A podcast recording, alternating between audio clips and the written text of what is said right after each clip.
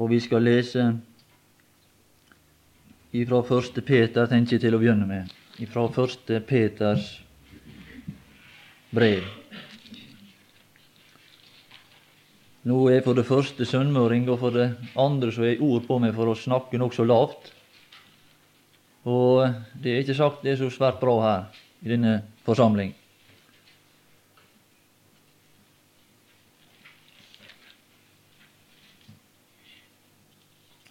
Første Peters brev, kapittel 2, og vers 13.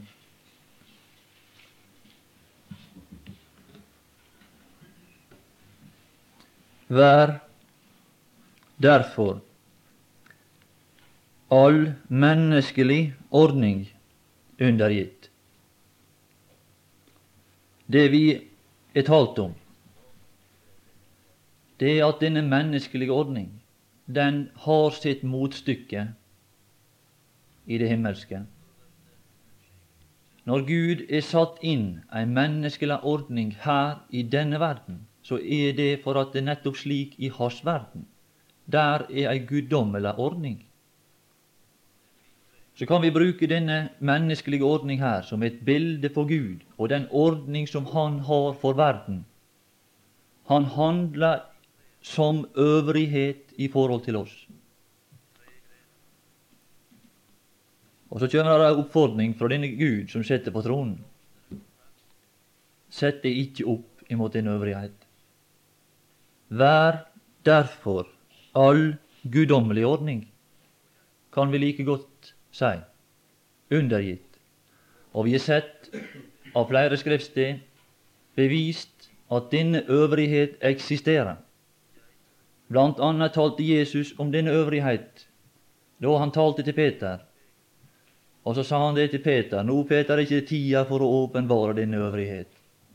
Nå avstår jeg fra å bruke den makt og den øvrighet som jeg, som troens representant, har anledning til å bruke.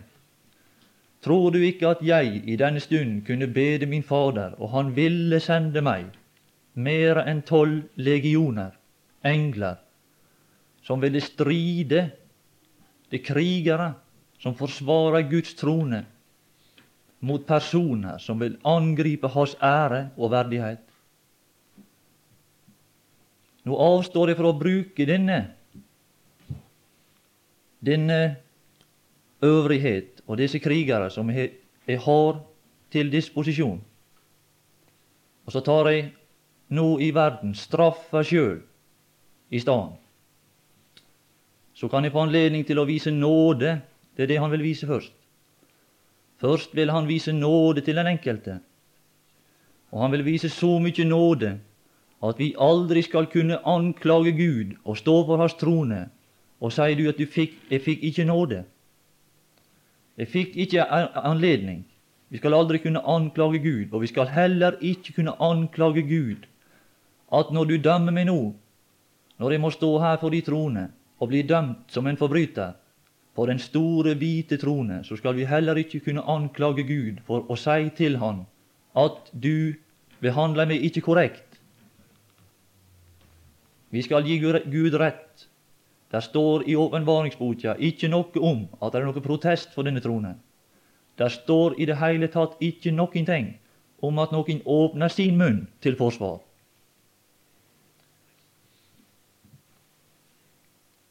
Vær derfor all menneskelig ordning undergitt, for Herrens skyld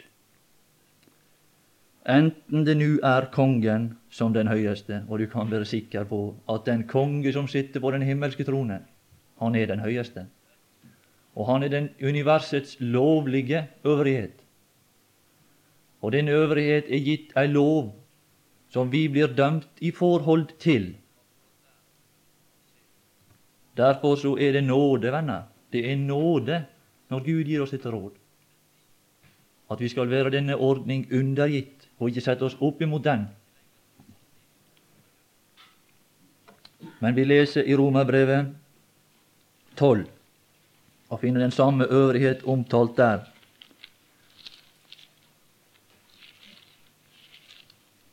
Romerbrevet Ja, det er ikke tolv, iallfall. Det er Romerbrevet 13 og vers 2. Så at den som setter seg opp imot øvrigheten, står Guds ordning imot. Her, det, her står vi i fare for å komme i konflikt med disse engler. Og den øvrighet som det står om her, som ikke bærer sverdet for intet. Det er ikke noe leiketøy Gud har i sin hånd, men det er noe som Han skal bruke. Og det er spørsmålet skal vi ta dette sverd i oss sjøle, eller skal vi godta at den Herre Jesus tok det for oss på Golgata? Skal vi gi Gud rett i det, eller vil vi smake det sjøl? Det er det det står om her, i korte trekk. Kort og konsist, kan vi si det slik. Gir vi Gud rett i at han dømte sin sønn på Golgata til sverdets død? Eller vil vi møte opp og møte Gud og kjenne øvrighetens sverd i evigheten?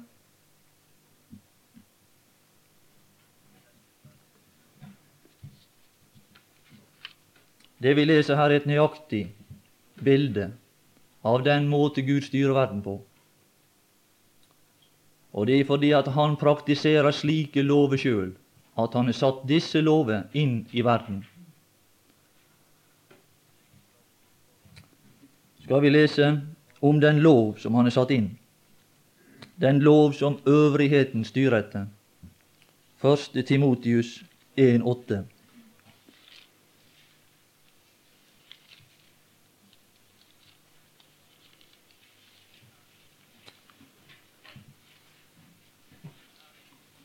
Men vi vet at loven er god.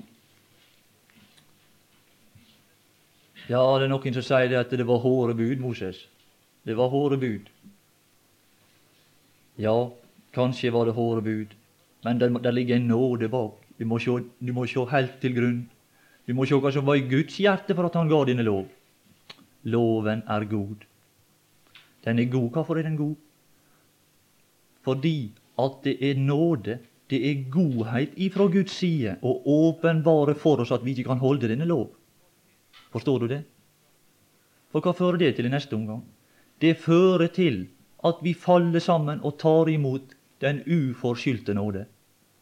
Da faller vi sammen. Vi blir redusert i, vår egen, i våre egne øyne til et null. Og der ved nullen der oppdager vi at Kristus har gjort det vi ikke kunne. Han har holdt denne lov. Han har tatt straffa for denne lovs overtredelse. Og så tilbyr han oss nåde. Loven er god. Dersom noen bruker den på lovlig vis Her er lovens lovlige bruk. Men du må aldri forkynne folk at gjør det og gjør det, så skal du komme til Gud og bli antatt. Nei, fall sammen, så skal du komme til Gud. Fall sammen og innrøm at her er ikke ressurser til å overholde dette. Men så får vi der på nullpunktet, der får vi se at en har gjort det. En som sa det på Golgata, det er fullbrakt. Det er gjort, det vi ikke kunne. Så han vet dette, står der i vers 9, at loven ikke er satt for en rettferdig, men for ulovløse. Se her. Det er det som er problemet, at for en eneste en av oss er lovløse i natur.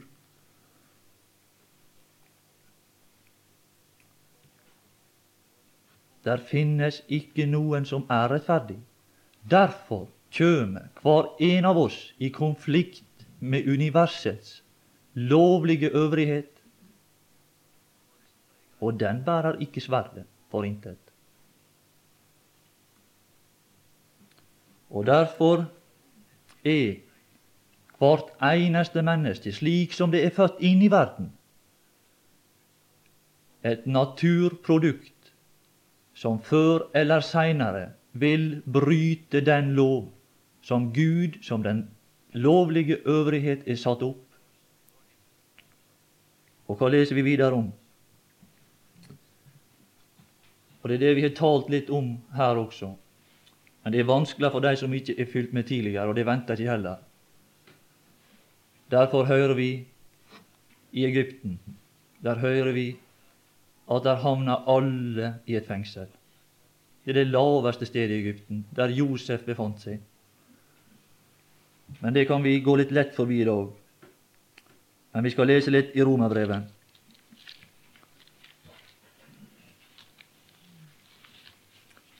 Tilbake til Romerbrevet 13 og vers 4, et par uttrykk der. Nå så jeg ikke på klokka, jeg hadde ikke tenkt å tale lenge nå. Jeg ville bare prøve å gi et lite inntrykk.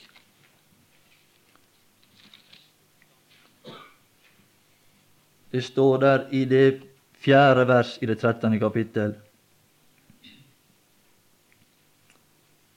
Men vi begynner midt. Ja, vi kan lese det, det kapitlet, verset der. For den er Guds tjener, deg til gode. Ser du at loven er god? Mm? Det er deg til gode. Å, Guds hensikt, det var dette, han hadde dette siktepunkt. Og jeg må få åpenbare mennesket, for mennesket er en slik falden natur at det forstår ikke at det falt. Det ligger på havet og forstår ikke at det er i ferd med å drukne. Det er så galt. Det er så galt med den natur. Deg til gode, men gjør du det, men gjør du det, så kan du prøve deg sjøl. Gjør du det, det er ikke snakk om en flokk her. Det er ikke, det er ikke vi. Det er ikke verden, det er ikke naboen, men gjør du. Gjør du. Og det, Når du kommer til den store, store hvite tronen, så står du der. Så står du der. Det er du som står der. Vi kommer ikke som en flokk dit. Men gjør du det som ondt er, da frykt her, så du kan slippe å frykte når du kommer der. For den som tror på ham, han blir ikke dømt, og du kan slippe å stå der men det er bedre å frykte her. For hvis vi faller sammen og frykter her, så kan vi bli frelst her. Og jeg skal si deg noe at det er en dommer, han er kontortid en dag i dag. Han er kontortid hele døgnet. Du kan bli frelst hele denne tid. Du kan komme til dommeren hvert stund i dette døgn, og du kan bli rettferdiggjort. Han er kontortid. Gjennom 2000 år er denne dommer som frikjenner og rettferdiggjør han er kontortid nå. Du kan treffe han nå og bli rettferdiggjort, uforskyldt, av Hans nåde. Så skal du slippe å stå der. Og Her er ditt råd, da frykt, og så kan du gå til dommeren og få din sak pådømt.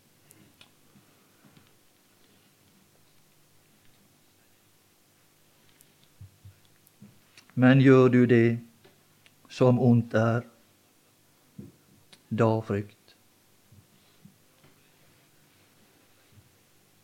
Vi leser i vers 3.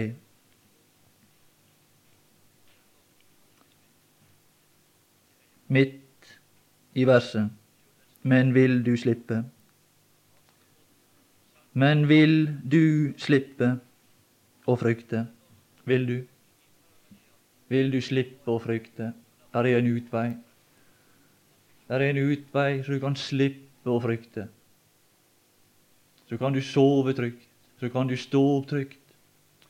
I trygghet vil jeg både legge meg ned og sovne inn, står der.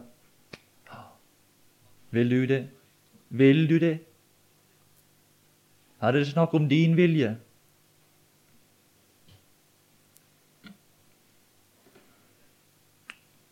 Gjør det som godt er. Gjør det som godt er. Det er rådet. Ja, hva er svaret?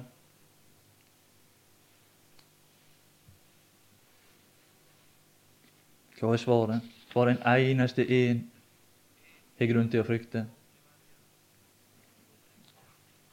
Hver en eneste en har forbrutt seg, og hver en eneste en har grunn til å frykte. Romerbrevet 10 og vers 5.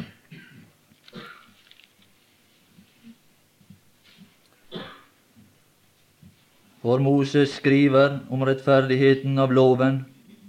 Det mennesket som gjør disse ting, skal leve ved dem. Skal jeg komme med en påstand? Ikke en eneste person, unntagen én, den Herre Jesus, har hatt et forhold til øvrigheten der han ikke får brutt seg. Ikke én.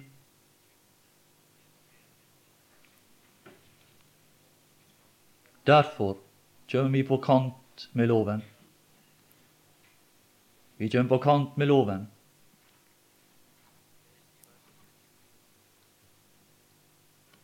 Galaterbrevet 3.10.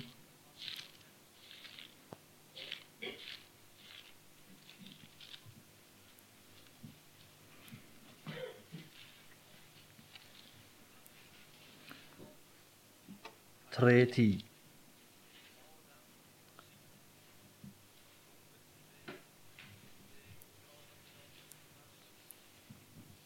For så mange som holder seg til lovgjerninger, er under velsignelse. Nei, lovens velsignelse kom aldri til anvendelse, unntagen på den Herre Jesus. Men det er én ting som kommer til anvendelse, og dette gjelder hver en eneste en som er født og oppvokst i denne verden. Han er under forbannelse.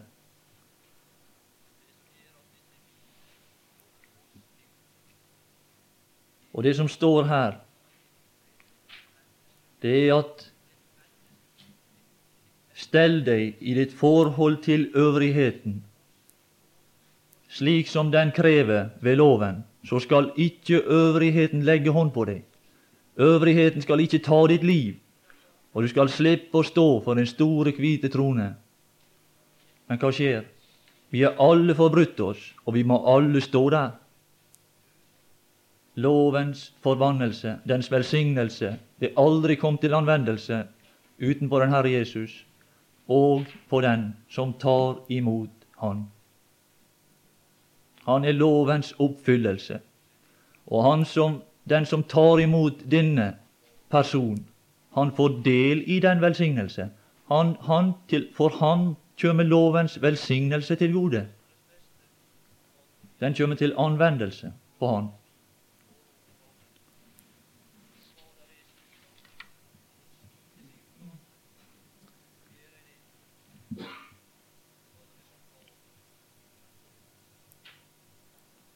Og vi leser om Josef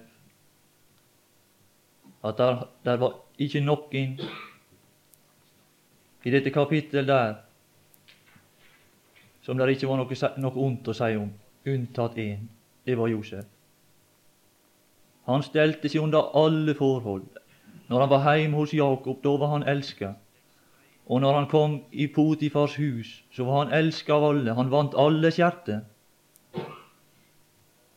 Om han hadde en, en god far, eller han hadde en streng herre, så var det like lett for han å oppfylle alle de krav som eksisterte. Han hadde ikke problem, fordi han var god inne, og blir du kun god, blir allting godt. Forstår du det? Uansett hva forhold han var under den Herre Jesus, så var han god tvers igjennom. Og slik, mot slike er ikke loven, står det. Mot slike er ikke loven. Men gjør du det som ondt er, da frykt. Og la frykten, la frykten bringe deg på den samme, den samme plass som den røver så hang der.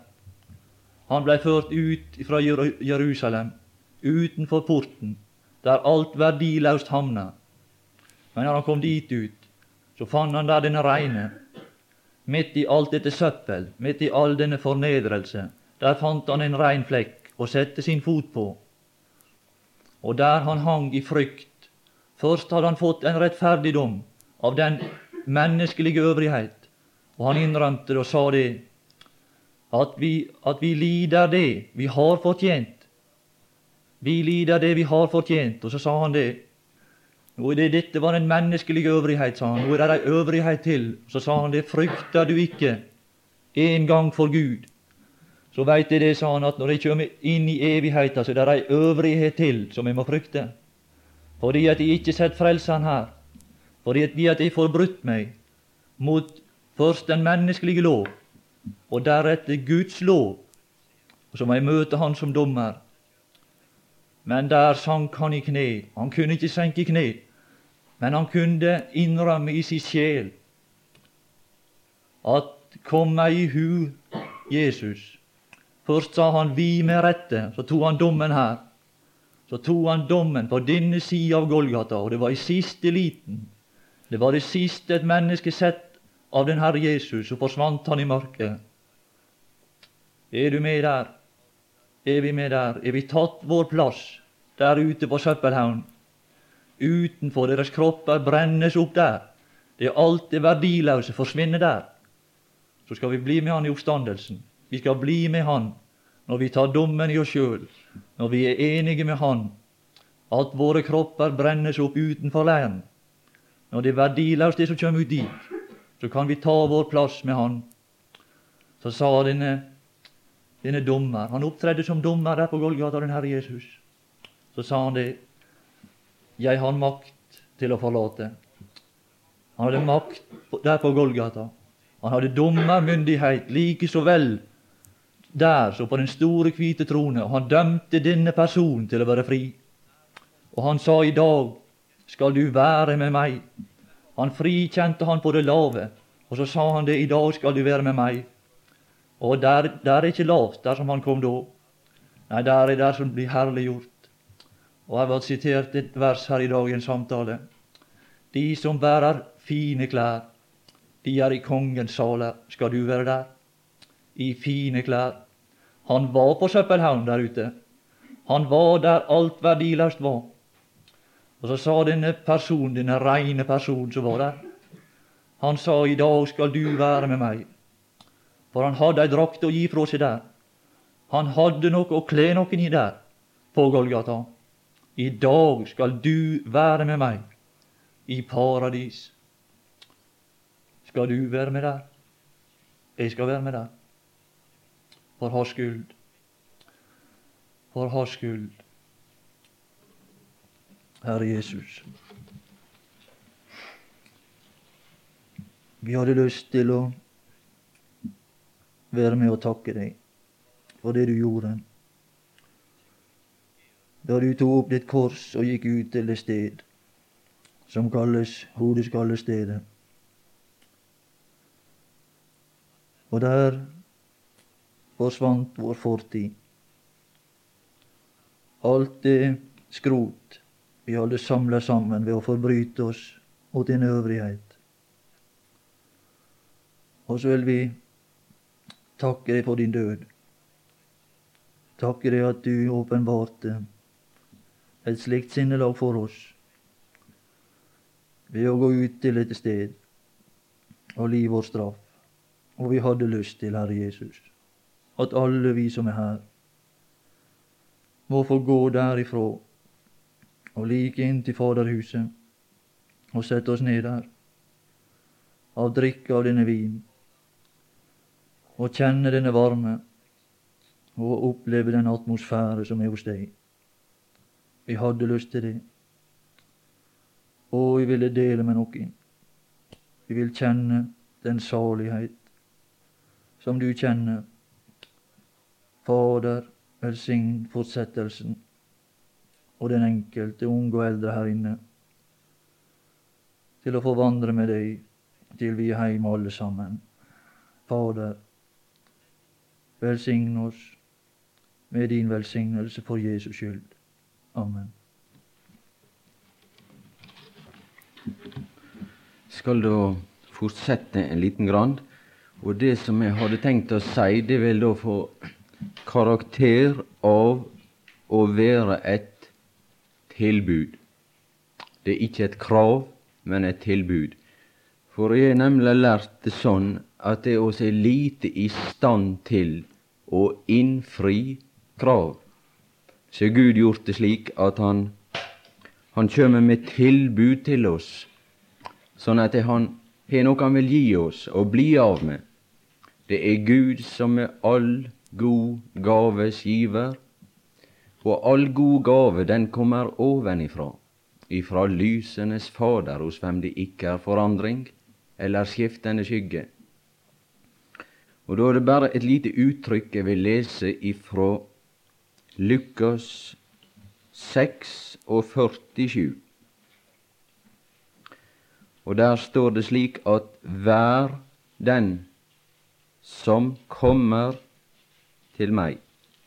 Og da kan vi være oppmerksom på det at det ikke er én her i kveld som er utafor det som er sagt, men vær den som kommer til meg og hører mine ord og gjør efter dem. Hvem han er lik, vil jeg vise eder.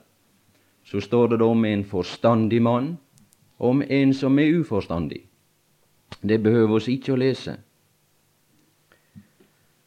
Jeg regner med at oss er alle slike som vil gjøre det som Gud har sagt, og har spudet ikke tunge.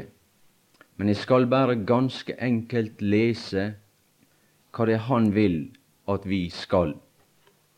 Og det finner oss da i første Johannes. I første Johannes brev, og der står det det at dette er Hans bud. 1. Johannes brev 3, 23. Dette er Hans bud at vi skal tro på Hans Sønn, Jesus Kristus. Tro på Jesus, ja, det var lett.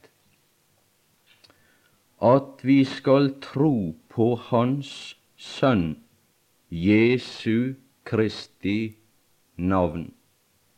Og Det kjenner oss til at engelen sa det til Maria. Der er et uttrykk vi finner i Skriftene når Hans navn utlegges. Du skal kalle hans navn Jesus, for han skal frelse sitt folk ifra deres synder. Det skal oss tro på Han. Det er det eneste Han vil. Dette er Hans bud. Og det første alle skal gjøre, det er å tro på Han som frelser. At Han har fridd oss ifra våre synder og kjøpt oss til Gud skal bare da gå litt videre for å forklare nærmere. Vær den som kommer til meg og hører mine ord og gjør dette, kan han er lik. Han er lik en forstandig mann.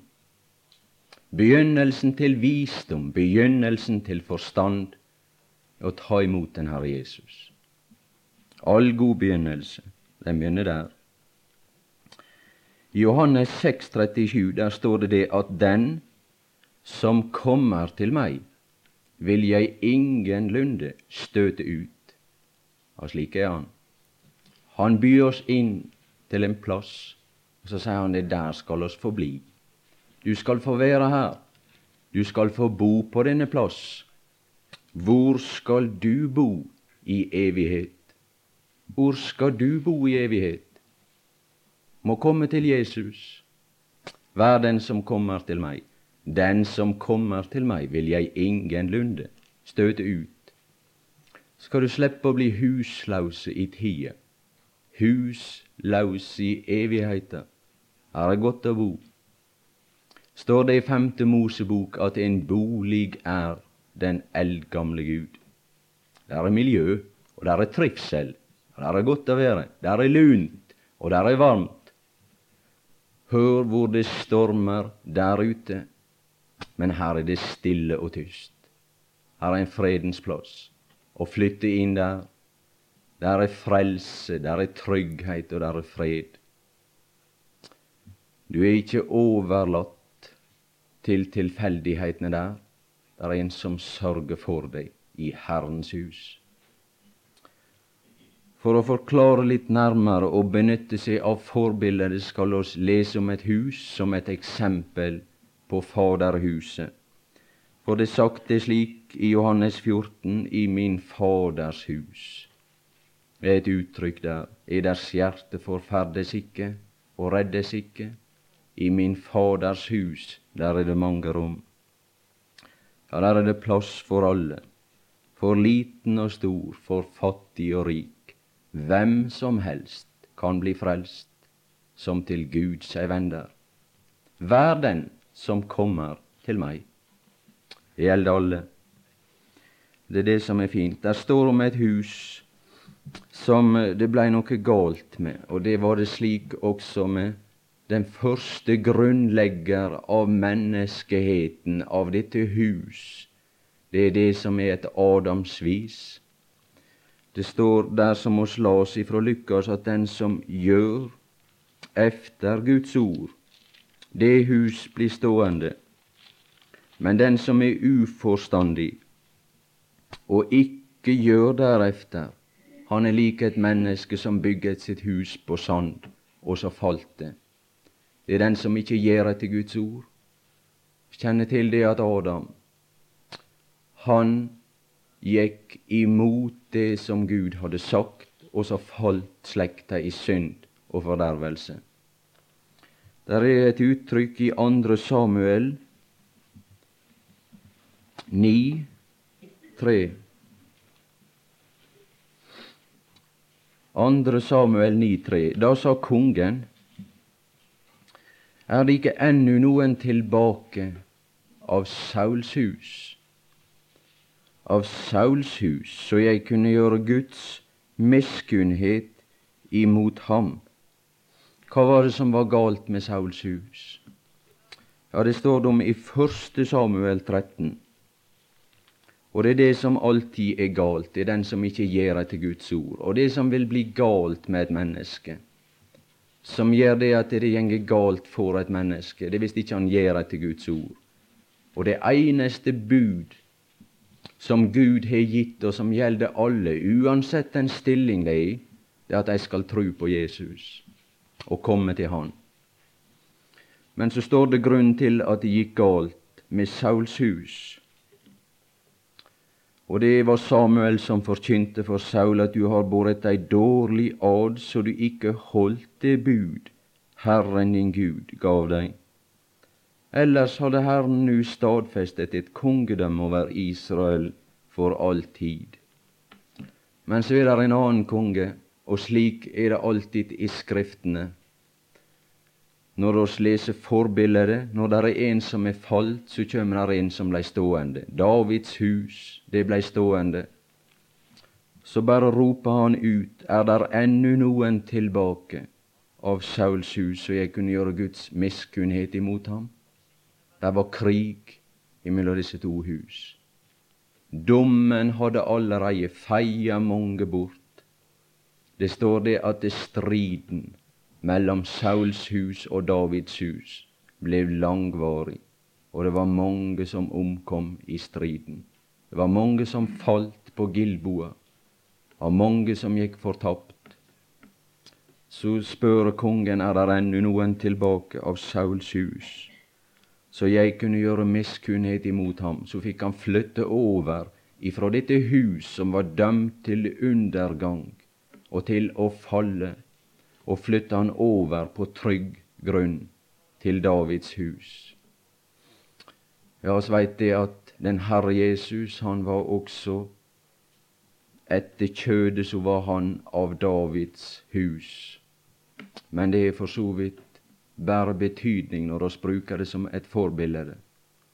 Det var han som var Guds sønn, som fornedret seg selv, og så ble han lydig og så gikk han opp til Golgata, og så blei der en kamp der han avvæpnet maktene og myndighetene. Han utrydda alle fiender, og så bygde han et hus som kunne stå trygt og godt, som oss skal få bo i. I 2. Samuel 7,1 der er det nå en beskrivelse av et hus, av Davids hus. Som nu kongen bodde i sitt hus, og Herren hadde latt ham få ro for alle hans fiender rundt omkring. Er det ennå noen tilbake? Det var et slikt hus han ville ha dem inn i. Jeg er døra, sier den Herre Jesus. Jeg er døren. Den som går inn gjennom meg, han skal bli frelst. Det er veien inn til Gud. En bolig er den eldgamle Gud. Jeg er døren. Den som går inn gjennom meg, han skal bli frelst. I Johannes 10. Her er det da et forbilde. Hvordan er dette hus? Som nu kongen bodde i sitt hus, og Herren hadde latt ham få ro for alle hans fiender rundt omkring. Ja, denne konge, jeg var med deg overalt hvor du gikk, og utryddet alle dine fiender for deg, så jeg har latt deg vinne et stort navn så stort som de størstes navn på jorden. Det er Han som er gitt et navn over alt navn, slik at i Hans navn skal hvert kne bøye seg, de i himmelen og på jorden og under jorden. En store konge. Så fant han en som han kunne gjøre Guds miskunnhet imot. Så falt han ned for kongen, og så sier han det. Hvem er din tjener, sa han. Og så bare blei han overvelda av kongens godhet og miskunnhet over det tilbud som han skulle få. Jeg har, han, jeg har gjort i stand et bosted for mitt folk Israel.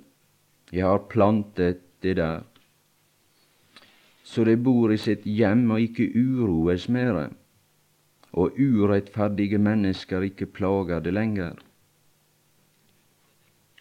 Fra den dag jeg satte dommer over mitt folk Israel, og jeg har latt det få ro for alle dine fiender, og nå forkynner Herren deg at Herren vil bygge deg et hus. I min Faders hus, der er det mange rom. Ja, der er godt å bo. Han skal bygge et hus for mitt navn. Og det står det i det 28. vers i 2. Samuel 7. Og nu, Herre, Herre, du er Gud, og dine ord skal bli sannhet. Og du har lovet din tjener denne lykke. Se min tjener, sier Gud om den Herre Jesus. Se min tjener, ham som jeg har velbehag i. Det behager Han å bygge et hus. Så la det nu behage deg å velsigne din tjeners hus, så de må bli stående for ditt åsyn til evig tid. For du, Herre, Herre, har talt, for din velsignelses skyld skal din tjeners hus bli velsignet i all evighet. Ja, det er det som er karakteren over dette hus. Det er det at det blei velsignet i all evighet.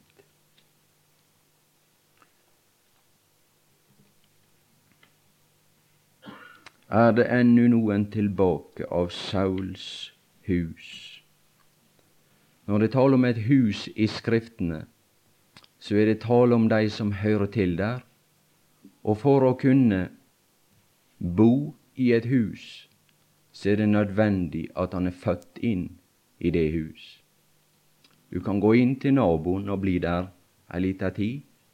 Det er slik med barna. De gjenger inn i et hus. Men når kvelden kjem, så må alle gå ut, og hver til sitt. Men den som er født der, og den som hører til der, han skal være der om natta. Og det er vel snart slik at oss kan vente på at det siger på natt over denne verden, og det begynner å storme imot dette jord, dette verdens hus og denne tilskikkelse som er her. Så kan høre det de forskjellige ting som feier over denne verden. Det gjelder om å kunne flytte inn i et hus der det skal bli stående der som er, trygt å være. Han sa det Jesus til Nikodemus, at du må fødes på ny. Du må inn i huset. Du må ha natur for å kunne være der. Du må ha kledning for å kunne være der. Du må ha Kristi rettferdighetsdrakt. Du må bli gjort skikka til å få del i de helliges arvelodd i lyset. Men han sørger for alt dette. Den som kommer til meg, så vil han sørge for alt, er den som kommer, vær den som kommer til meg. Og den som kommer til meg, vil jeg ingenlunde støte ut.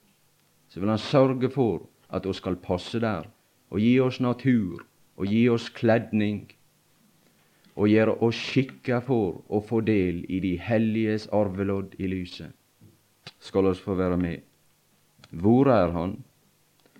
Var det sagt til denne Det var en sønn, en som var tilbake som het Mefiboset, en som hadde falt og som var vannfør. Men det tilbud som David ga han, det var du skal få bo i mitt hus, du skal få flytte inn her. For Jonathans skyld. Det er en enestående person som framtrer som et bilde på Jesus. Så heter Jonathan. For Jonathans skyld. Allting for Jesus skyld. Allting for Jesus skyld. Gå til Han. Alt vil bli i orden. Alt vil bli godt. Men Mefiboset skal lete ved mitt bord som en av kongens sønner. Sånn åt alltid ved kongens bord. Han blei der. Han blei aldri kasta ut. Hvor skal du bo i evighet? i evighet. Verden som kommer til meg. Det hus som Sønnen er bygd, der er en som hadde forstand, framfor alle som er kalt visdommen. Visdommen bygger et hus, og ved forstand blir det trygghet. Verden som kommer til meg og hører mine ord, og den som i alle ting var lydig imot sin Fader, det var Kristus. Det var Guds sønn. Dette er min sønn, den elskede, i hvem jeg har velbehag. Og han blei i stand til å bygge et hus for oss, som vi skulle få bo i, en plass, ei frelse, et sted. Han beredte oss et sted, så skulle oss få gå dit. Flytt inn her. Hvor skal du bo i evighet? Jeg skal bo i Herrens hus i lange tider. Herren er min hyrde, meg fattes intet. Han skal sørge for oss gjennom tida, gjennom evigheten. Om jeg enn skulle vandre i dødsskyggens dal, frykter jeg ikke for ondt. Du dekker bord for meg like for mine fienders øyne. Du salver mitt hode med olje. Bare godt og miskunnhet skal efterjage meg alle mitt livs dager. Ikke bare mitt livs dager, men gjennom alle evigheter. Han skal vise sin godhet imot oss gjennom alle evigheter, for Jesus skyld. Og jeg skal bo i Herrens hus gjennom lange tider, gjennom alle evigheter. Ja, der er godt å være. Flytt inn der og det er så enkelt. Det er verden som kommer. Verden. Ja, Herre Jesus, jeg kommer til deg. Det får bare bli vår enkle bønn, den som ennå ikke har kommet inn der. Jeg vil ingenlunde støte ham ut. Alle er velkomne der. Han er lik en forstandig mann. Det er begynnelse til visdom. Det er begynnelse til lykke å flytte inn der. Det blir mye å oppleve i Herrens hus. Han sørger vel for sine. Han er å take av. Det er Han som råder over alle ting. Allting er meg overgitt av min Fader. Velkommen hver og en til å bli med til dette hus. og spe deg om nåde, vår Gud, om velsignelse og spe om Faderens dragelse. Og gi oss lyst til å åpenbare for deg det som du har beredt for deg som elsker deg, og de som kommer til deg. Og gi oss sann opplysning om ditt sinnelag slik som du er for alle, at du vil ta imot hver og en som vender seg til deg. Og velsign hver og en i denne forsamling med den velsignelse som hver og en tilkjømer. Og om det er ei sjel som ennå ikke flytta inn, og flytta inn og fått festa bo hos Gud og flytta inn i Gud, en bolig er den eldgamle Gud.